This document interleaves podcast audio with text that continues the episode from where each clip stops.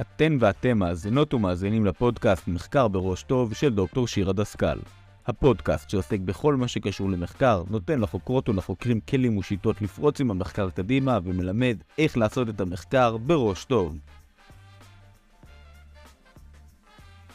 ברוכים הבאים לפרק נוסף בפודקאסט, מחקר בראש טוב, שבו אנחנו מדברים על כל מה שעוזר לצלוח את לימודי המחקר, דנים בגישות ובשיטות שונות, ואני בעיקר שמה דגש על כלים שהם פרקטיים. אני דוקטור שירה דסקל, והיום אני ממש ממש מתרגשת לארח את מיכל לוי ארבל המקסימה. היי מיכל, איזה כיף שאת כאן. תודה, איזה כיף, איזה פרומו, ואיזה נחמד להיות ככה.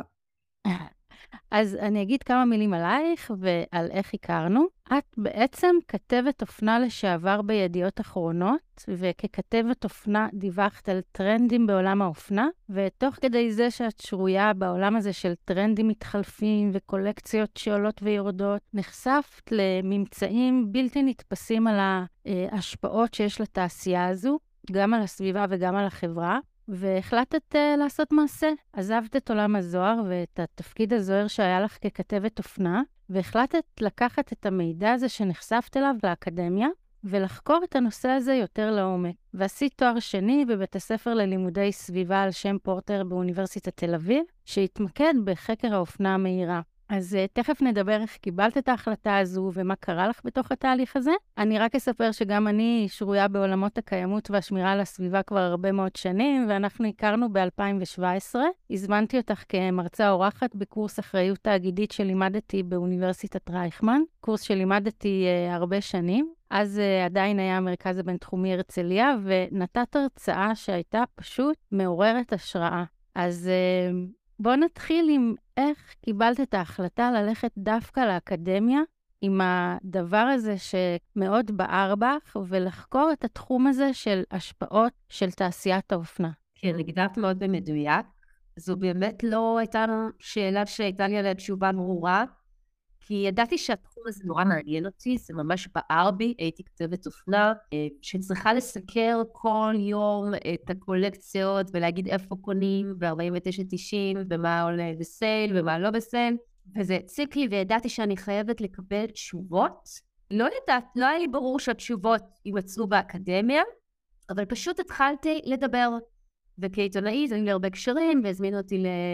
לדבר באיזה כנס עם החיבור הזה המאוד uh, מיוחד של הכאב של הבגדים הזולים, וניגש לעשות הרצאה איזה בחור, והוא אמר לי, תקשיבי, מה שאת עושה זה מרתק, את צריכה ללכת לבית ספר ללימודי סביבה באוניברסיטת תל אביב, יש שם ממש מחקרים בנושא הזה שמתחקים אחר ה-life cycle analysis, המחזור חיים של מוצר, ואני חושבת שלשם את צריכה להגיע. זו הייתה פעם, באמת הפעם הראשונה שזה הועלה, ובדקתי את זה, אבל ממש כעיתונאית ומישהי שידעה למצוא תשובות לחומרים שלה ברשת, לא חשבתי אה, לגשת לאקדמיה, אבל הוא פתח לי באמת כיוון מרתק. כשהגעתי לאקדמיה והתחלתי באמת, אה, כלומר, נשארתי דבקה לנושא שלי, ובאמת גיליתי שדה אקדמי שלם, חי, בוער, בועט, סביב הנושא הזה של אה, אופנה מהירה וההשפעות שלה. וזה היה מאוד כיף, זאת אומרת, זה נתן לי תחושה שאני בכיוון הנכון.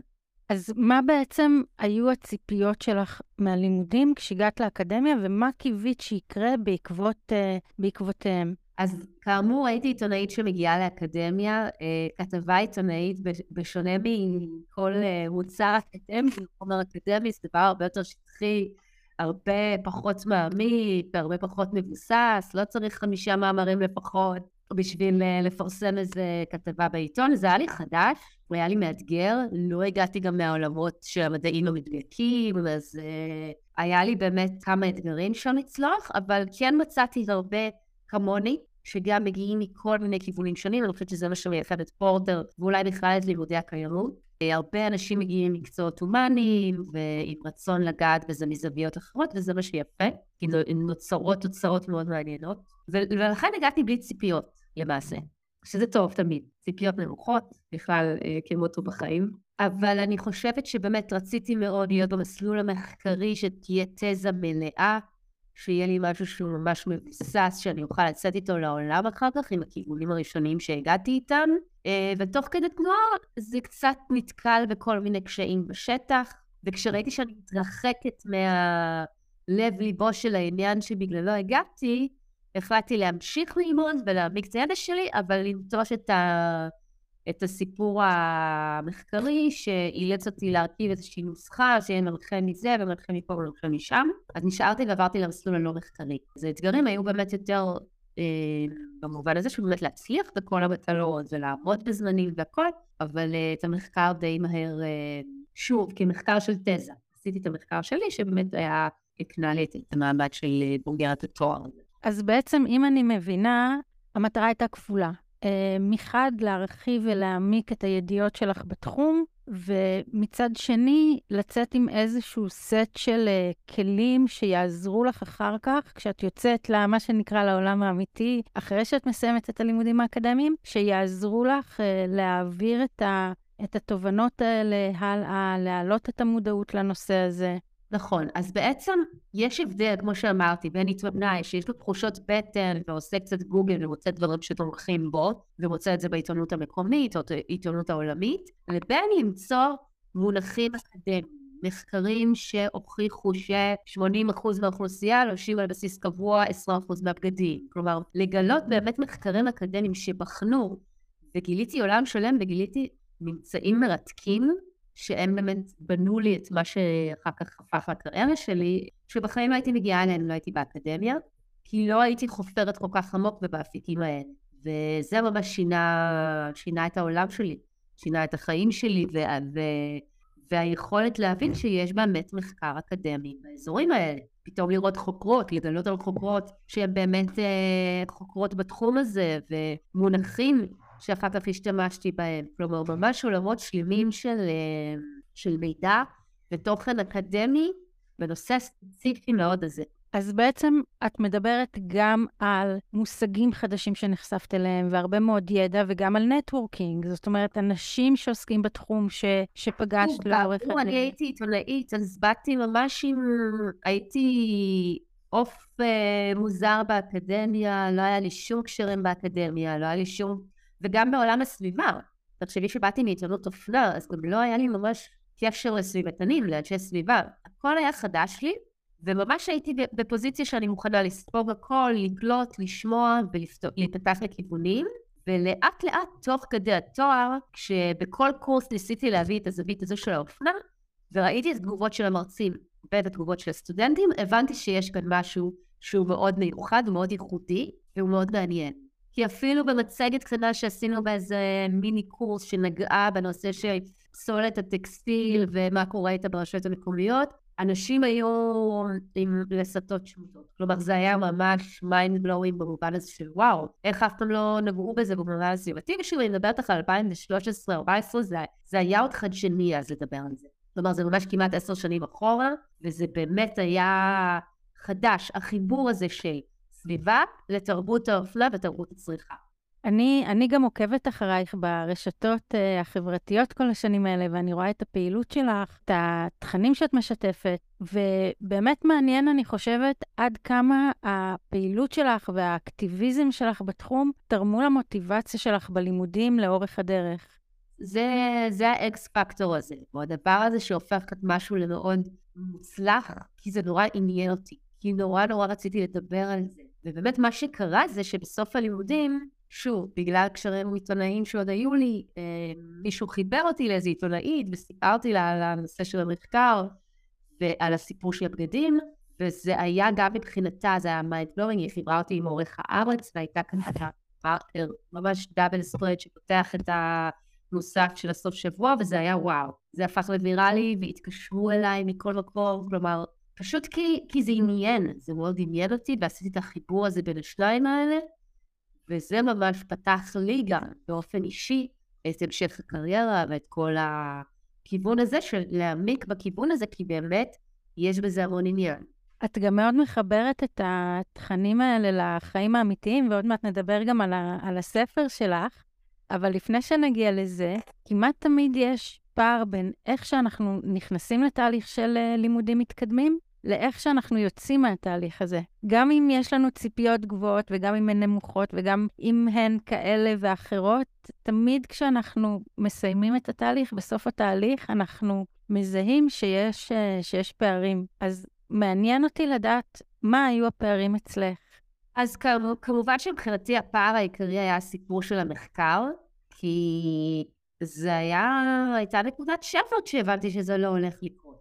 כלומר, היה לי ברור שאני אלך למסלול מחקרי, ואני אצא עם מחקר, והיו לי המון אה, כוחות והמון אנרגיות לנתב למקום הזה, אז זה היה באמת אה, משבר, אה, או נקודת שבר כזו. שוב, מכוח האנרציה המשכתי לזוז, ובאמת אמרתי, תמשיכי לעשות את מה שמעניין אותך, ואת מה שאת אוהבת, ולהמשיך להתעסק בנושא שלי, במה שמגיע. כלומר, בקורסים שקיימים, להביא את הנושא שלי לשם. ובעבודות של מזדמנות או בפרויקטים, כלומר ממש הייתי דבקה במטרה שלי. פחות חשבתי על האם נפתר כן או לא, כי, כי הבנתי שזה בנוסחה המאוד ספציפית שפורטר הציעו, זה פשוט לא עבד. היו עוד קשיים לאורך הדרך. קורסים שהם פחות היו ההתמחות שלי של כלכלה או דברים כאלה, אבל אני חושבת שההצלחה בהם הייתה מאוד משמחת ומרגשת, דווקא כי אני מגיעה מעולמות אחרים. אני, אני גם uh, יודעת שכן הייתה לך uh, עשייה אקדמית, יצא לך להציג בכנסים אקדמיים ולדבר על התחומים האלה שאת כל כך uh, עסקת בהם במישור האקדמי. לי נכון. לפחות יצא לראות אותך לא מעט פעמים מרצה בוועידות ובכנסים. נכון, הייתה באמת תקופה שזה היה ממש, לא אגיד 15 דקות התהילה, אבל באמת היה, זה היה מאוד חדשני וראשוני. אני חושבת. וזה מבחינתי מה שהיה כרטיס כניסה שלי ל... להמון מקומות, וגם הבאתי ידע שהוא מאוד ייחודי לי, כי גם עבדתי בעבר בוויצו, שזה אחד הארגונים הגדולים בארץ בנושא פיל משומש, והיה לי גם המון ידע מאוד ספציפי משם. כלומר, כן הצלחתי להביא איזשהו ערך מוסף שלאחרים אין.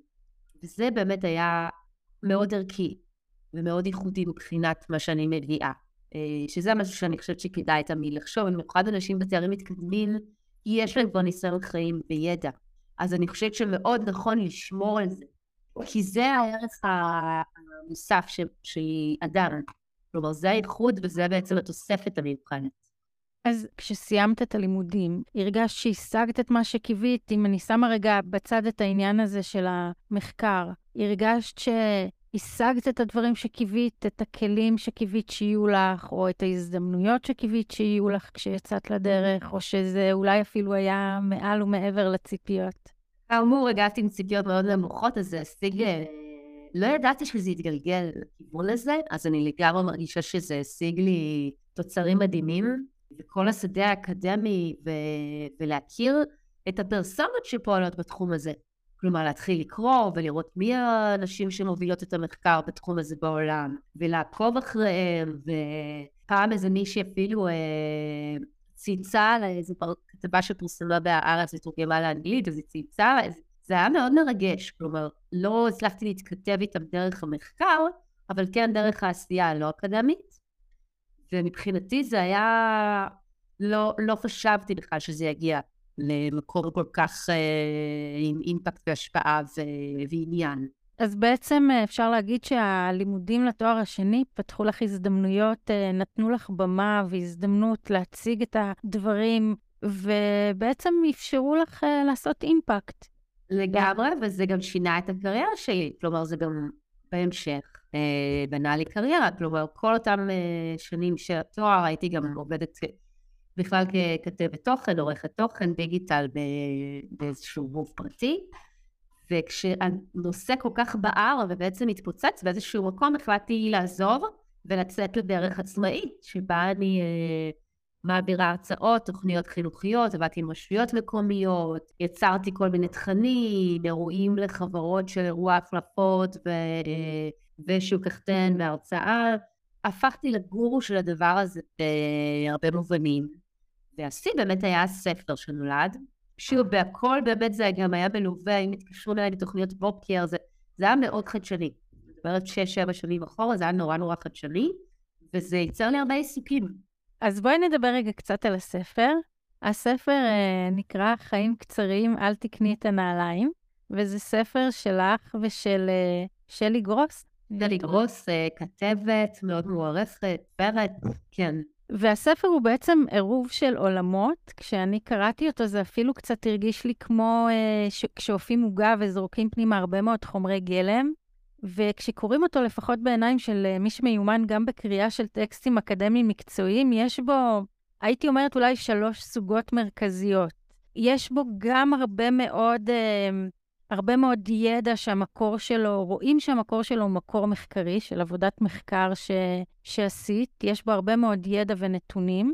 המילה מחקר חוזרת הרבה מאוד uh, פעמים בספר, ויש בו צד של uh, ממש סוג של מדריך, מנטורינג, שעובד על הצד המנטלי, שנותן גם מעלה מודעות וגם נותן כלים פרקטיים לאיך לעשות את זה נכון, איך לצמצם את ההשפעות השליליות שלנו על הסביבה באמצעות ניהול נכון של, ה, של הדבר הזה של אה, צריכה של אופנה. ויש בו גם אה, סיפור, הוא גם, אה, הוא גם מספר איזשהו, אה, איזשהו סיפור של עולם הצריכה המודרני. אז בואי, ספרי לנו קצת על הספר, איך הוא נולד, איך נבחרו התכנים שיצקתן לתוך הספר. אז הספר באמת הוא, הוא היה ההימור הכי גדול, אני חושבת, כי ימית פנית שלי היא גם כותבת מאוד מוערכת ומוכשרת, וגם הוציאה כבר ספר, ויש לה בלוג שעוסק במינימליזם והצעות לבוש איטיות יותר, דברים שנבחרים בקפידה הכי רחוק מרשתות אופנה מהירה. נתקלתי באיזשהו ספר של ככה עקרונות לאכילה נכונה, אבל ממש דברים שחשוב שיהיה לך בית, דברים שלא תקנה, וקוראים לזה איך לאכול נכון. והצעתי לה, אמרתי לה, בואי נעשה משהו דומה. איך להתלבש נכון. כן, משהו כזה, זה היה מאוד אמור להיות פשוט. ואמרתי לה, אבל כן, בואי נשלב את כל המידע הטרחני והמחקרי שלי עם העצות הפרקטיות והסטייליסטיות שלך, ונעשה מזה משהו. ובאמת, בגלל שהיא כבר הוציאה ספר, אז פנינו למודן, הם אהבו את הרעיון, והלכו איתנו, הלכו איתנו עד הסוף, ואני חושבת שזו הייתה... לא היה ברור איך זה יתקבל. כלומר, אם זה יהיה מצליח או לא, אבל זה ממש הצליח, זה היה מאוד מאוד כיף לגלות.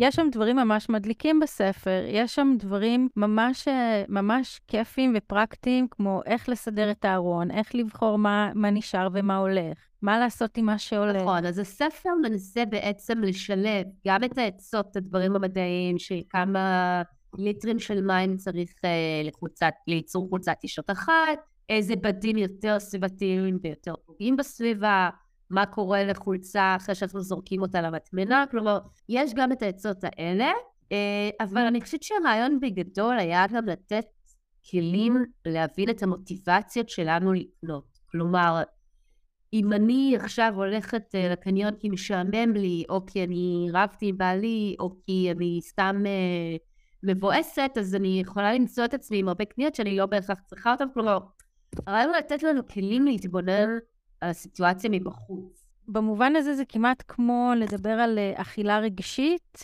ממש יש, יש דיבור בספר על, uh, על קנייה, על צריכה רגשית, ומה שבעיניי מאוד, uh, מאוד מעניין בספר זה שאתן ממש נותנות את האלטרנטיבות. איך אני שומר ומטפל בבגד שכבר יש לי, כדי שאני אוכל להשתמש בו לאורך הזמן. בין אם זה איך אני מנקה אותו, איך אני מתקן אותו, האם ומתי כדאי לעשות את זה.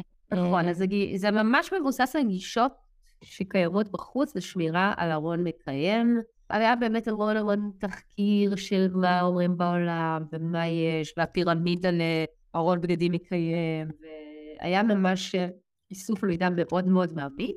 ובסוף ניסינו לתרגם את זה למשהו שהוא קליט והוא לא מטיפני מדי, הוא לא יותר מדי אה, נותן, אה, מכתיב מה לעשות ומה לא, וזה עבד, זה ממש הצליח לגעת בנשים מכל הקשת, אה, בעיקר צרכניות כבדות, כי זו הבעיה של הרבה סביבתנים, הרבה אנשי סביבה, אולי הרבה אנשי אקדמיה, שהם מדברים אל המשוכנעים, שזה מה שקרה לי עד הספר. כלומר, הייתי מגיעה להרצאות או לערבים מיוחדים שהיו מזמינים אותי, ומי שהיה בקהל זה כאלה שכבר עושים מסיבות החלפות, שכבר קונים יד שנייה, שכבר פחות קונים ברשתות. ואמרתי לעצמי, אוקיי, מה זה עוזר? איך אני אתקדם מכאן? כלומר, אני לא צריכה את האנשים האלה בהרצאות, אני צריכה את האנשים, את המכורות לנקסט, לאסטוס, לזרה, והחיבור הזה עם שלי היה בדיוק הפריצת דרך הזאת, ובגלל זה אני גם נורא מאמינה בשיתוף הפעולה.